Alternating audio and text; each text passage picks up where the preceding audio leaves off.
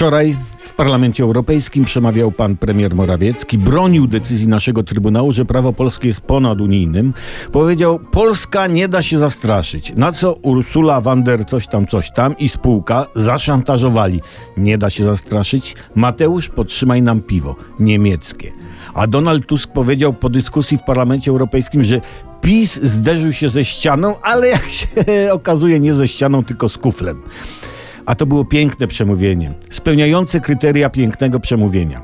Pełne merytoryki, retoryki, konkretyki, odnoszące się do majaczących na horyzoncie problemów.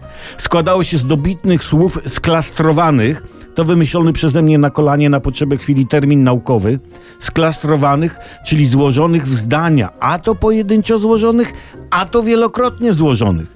Przykłady można by mnożyć. Na przykład niektórzy byli zdumieni.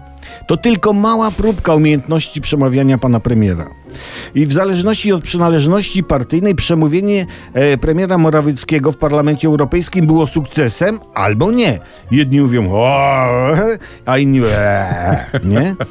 I, I to jest największy sukces tego przemówienia. Każdemu, bez względu na poglądy, dał paliwo do gorącej, pełnej oczekiwanych zwrotów dyskusji. Darmowe paliwo to ważne w tych czasach. Takich przemówień nam trzeba. Ale nie róbcie ich sami w domu. To trzeba umieć. Najwyżej szwagrem w garażu. Ej, ale słuchajcie, to, to było tak dobre przemówienie, tak się go nachwaliłem, że chyba zapoznam się z jego treścią.